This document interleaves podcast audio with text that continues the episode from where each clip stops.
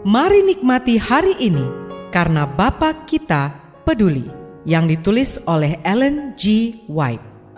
Melalui renungan pagi ini, kita akan menelusuri tentang karakter Bapa dan kasih Allah yang melimpah. Bersama Pendeta Andre Daimbani, selamat mendengarkan.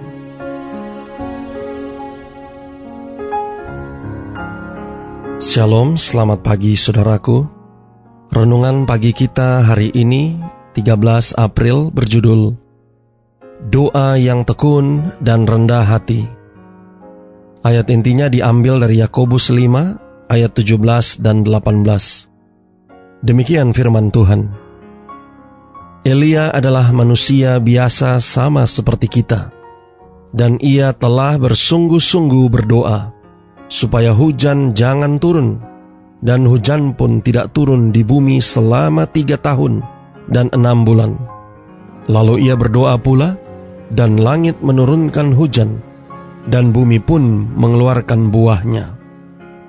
Mari kita dengarkan penjelasannya. Pelajaran-pelajaran penting dihadirkan kepada kita dalam pengalaman Elia. Ketika berada di Gunung Karmel, ia memohonkan doa supaya hujan turun. Imannya diuji. Namun ia tekun dalam menyampaikan permohonannya kepada Allah. Hambanya menyaksikan ketika Elia berdoa. Enam kali ia kembali dari mengawasi sambil berkata, Tidak ada apa-apa, tidak ada awan, tidak ada tanda hujan. Namun sang nabi tidak menyerah dalam keputusasaan ia terus meninjau kehidupannya untuk mengetahui kapan ia telah gagal menghormati Allah. Sementara ia menyelidik hatinya, ia tampak semakin lama makin berkurang, baik dalam perkiraannya sendiri maupun dalam pandangan Allah.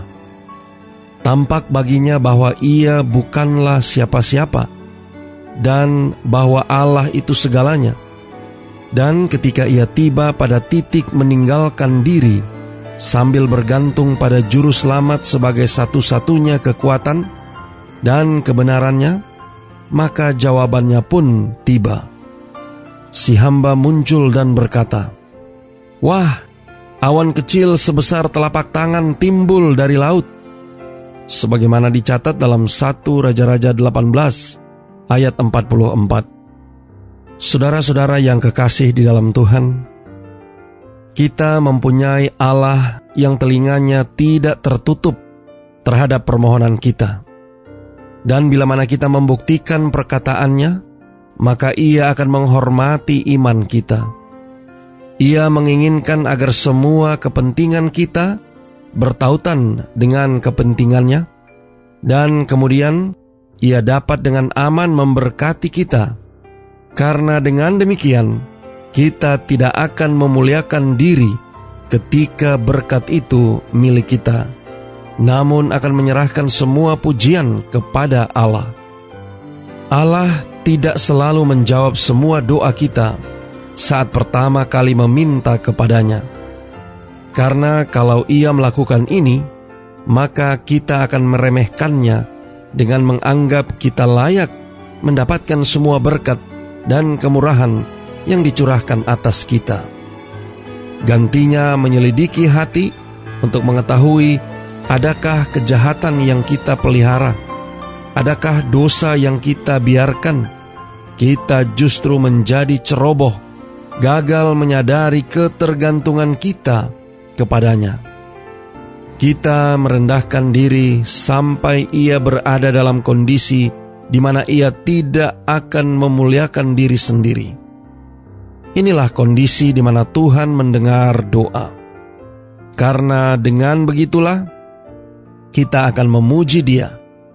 Allah saja yang layak dimuliakan. Doa kita hari ini. Bapa, terima kasih.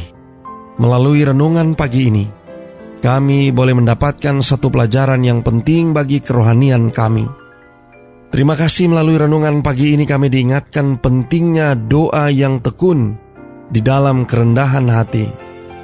Tolong kami hari ini Bapa, biarlah dengan pertolongan kuasa roh kudusmu, kami boleh senantiasa datang ke hadirat Tuhan di dalam doa yang tekun dan di dalam sikap kerendahan hati kami. Dan biarlah itu akan boleh membawa berkat di dalam setiap permohonan yang kami sampaikan kepada Tuhan, seperti doa yang telah dipanjatkan Elia di waktu yang lalu. Terima kasih Bapa. Inilah doa dan permohonan kami kepadamu. Di dalam nama Yesus kami berdoa. Amin. Selamat beraktivitas. Tuhan memberkati.